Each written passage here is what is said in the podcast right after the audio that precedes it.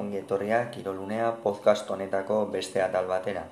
Gaurko atal honetan hiru konturen inguruan hitz egingo dugu alde batetik.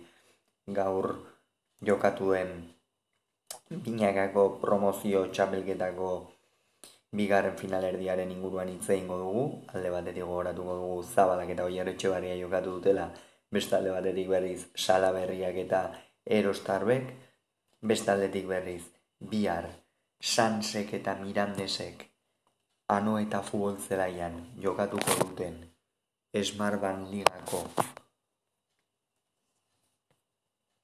hogeita amabigaren jardunaldiko partidaren analisia egingo dugu eta azkenik berriz gaur izan dira alde batetikan Champions Leagueko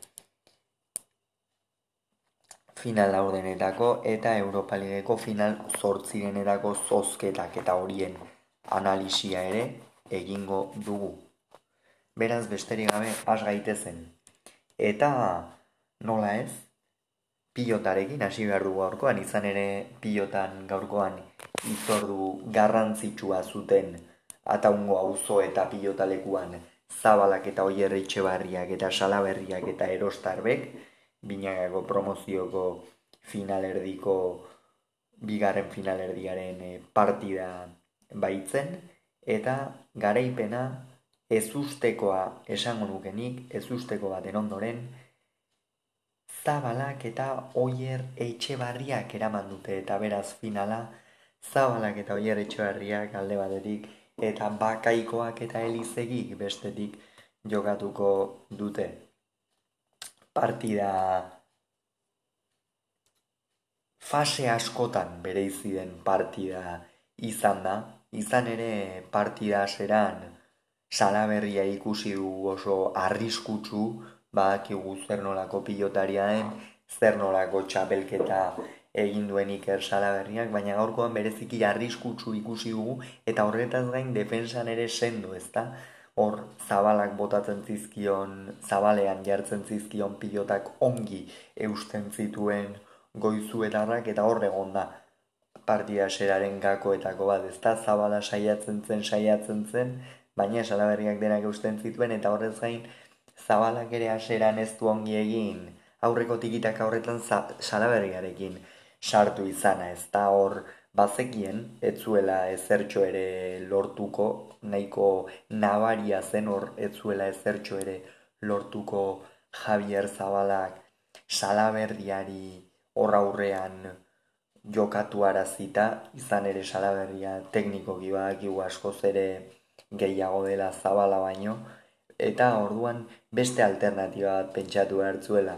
Eta hori, bigarren zatian, bai aurkitu du amabi eta zortzi joan dira aurretikan salaberria eta erostarbe bigarren zatira, baina hor Javi Zabalak beste taktika bat hasi du eta hor bai ongi irakurri du jokoa eta garaiz erreakzionatu du nahiarako pilotariak. Hor aurrean oso bizi mugitu du pilota eta salaberria erabat jokotikan atera du eta bere ingurutikan esango dugu erabat atera egin du eta hor egonda gakoa.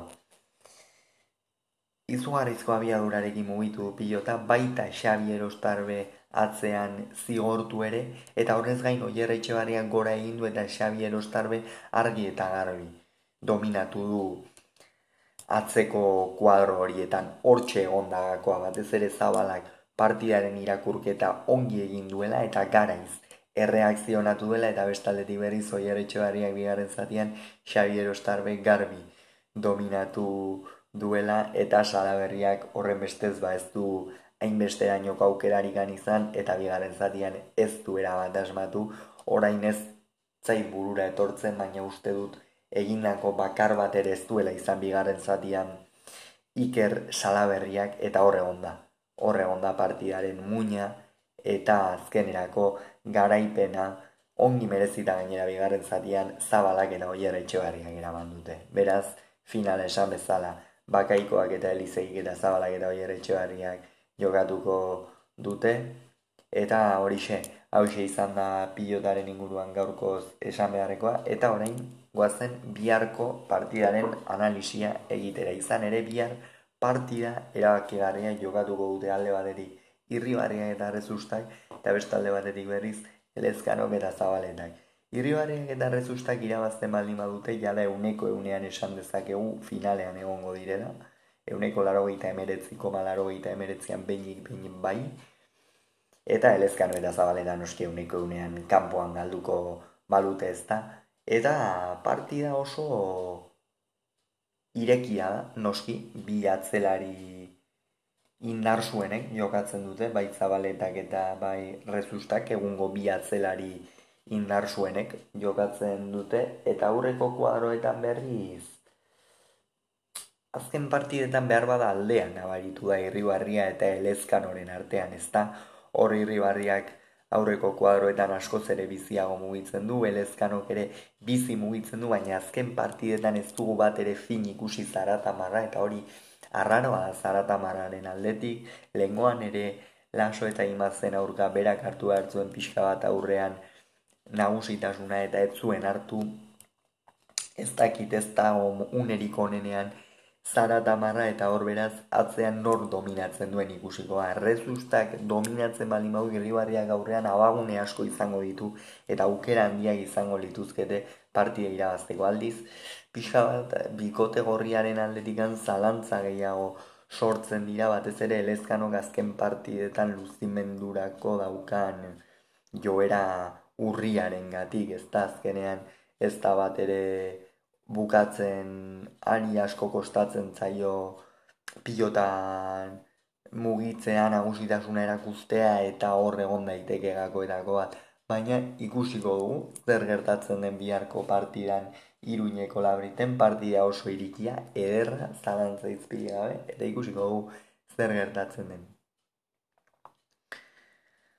Eta horrein zen futbolaren inguruan hitz egitera, izan ere bihar hogeita mabigaren jardunaldiko partida jokatuko dute Sansek eta Mirandesek. Oso oso partida garrantzitsua bitaldeentzat gogoratuko dugu Sanse une honetan. Salvaziotik edo azpiko postutatik ateratzeko zorian egon daitekeela bihar irabazi ezkero, bihar irabazi ezkero Mirandesen gandik hiru puntutara geratuko litzake eta garrantzitsua ere igandean.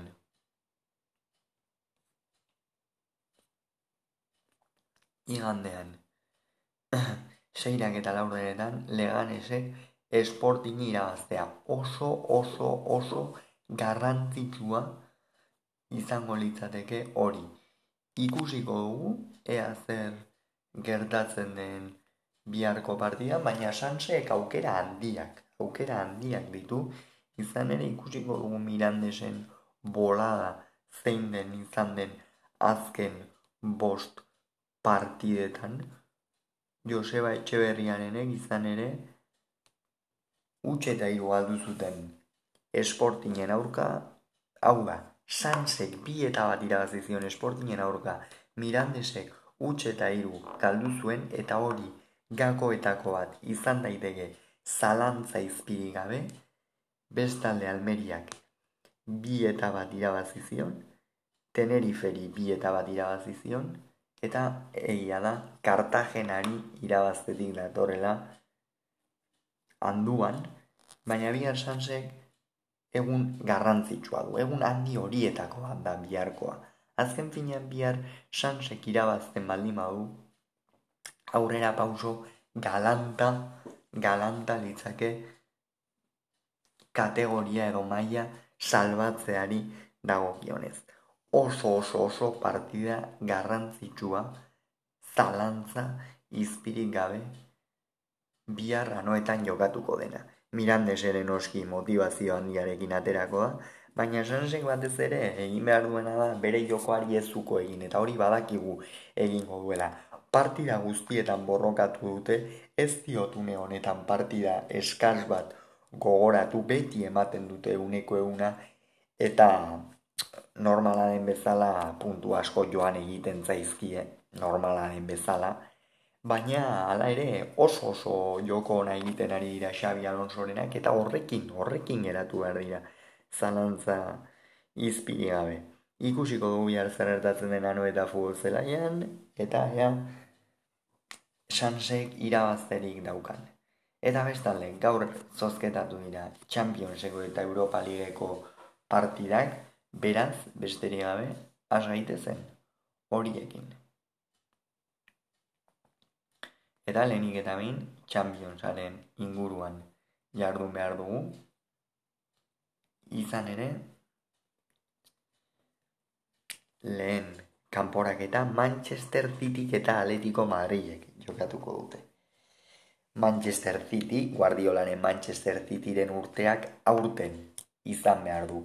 Urte dezente dara mazki premierrean nagusi izaten, baina Championsean edo Txapeldunen ligan beste pauso bat eman behar du. Lengo urtean finala jokatu zuten, ez zuten Chelsea irabaztea lortu, aurten aukera paregabea daukate finalean sartu eta mai gainean kolpe garbi eta irmo bat emateko eta jada munduko talderik onena bezala kontsideratzeko jende askoren ustez bada, nire ustez ere, eta bestalde Atletico de Madrid, Simeoneren Atletico de Madrid, ba Manchester Uniteden aurka kanporak eta on bat jokatzetik dator, beraz motivazio handiarekin, baina Manchester City ez da Manchester United, Manchester United oso bola gaizkarrean dago, eta ikusiko dugu, ere, nola ez, favoritoa Manchester City da zalantza izpiri gabe. Bestalde, Benfica eta Liverpool. Hemen Benficak Ajax kanporatu zuen, Bartzelonaren aurka ikusi genuen sorpresak emateko talde izan daitekela, baina Jurgen Kloppen Liverpool beste beste maila bateko taldea azken finean beste maila batean jokatzen dute Premierreko puntako taldeek aurten ere Liverpoolek Interren aurka bi partidetan ikusi genuen ez da naiz eta bigarren ez zuen irabazterik izan zer nolako aurrealdea daukan, zer nolako abiadurarekin jokatzen duen, zer nolako erraztasuna daukan baloia ateratzeko zeinen gutxi sortzen dioten eta jasotzen duen hemen Liverpool da favorito oso garbia. Chelsea Real Madrid Chelsea horatuko dugu. Une oso oso larrian, Abramovitxe dena kendu baitiote alegia. Chelsea ateak itxita jokatuko du Stanford Bridgeko partida Errusiarrei orain Britaniako gobernuak ez dielako diru sarrerarik onartzen. Hortxe beraz gakoa egon daiteke Bernabe aldiz publikoarekin.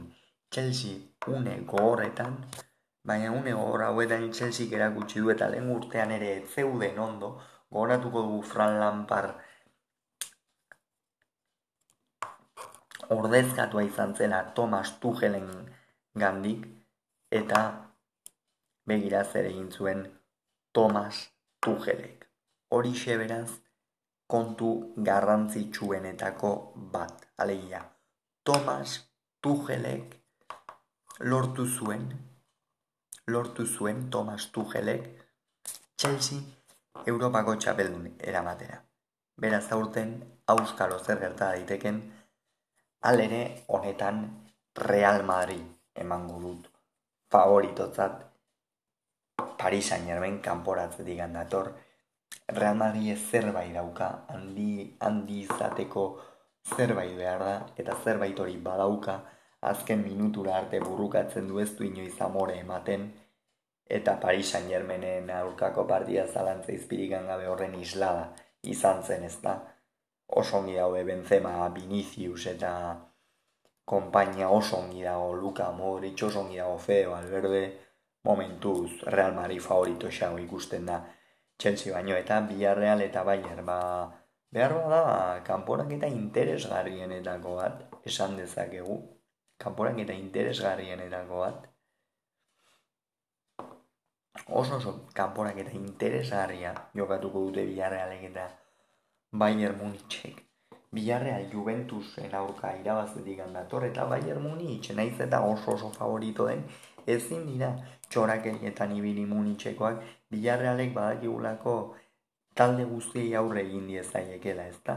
Emeri sekulako demoraldia egiten ari da urten ikeragarria Championsean du taldean lehen urtean Europa Ligeko txapeldunak izan ziren oso oso demoraldiona naiz eta Bayern Munich oso oso favorito izan kontuz Villarrealekin. Eta hau izan da gaur esan beharreko guztia, urrengoan gehiago izango duzu, bitartean ongi izan aur.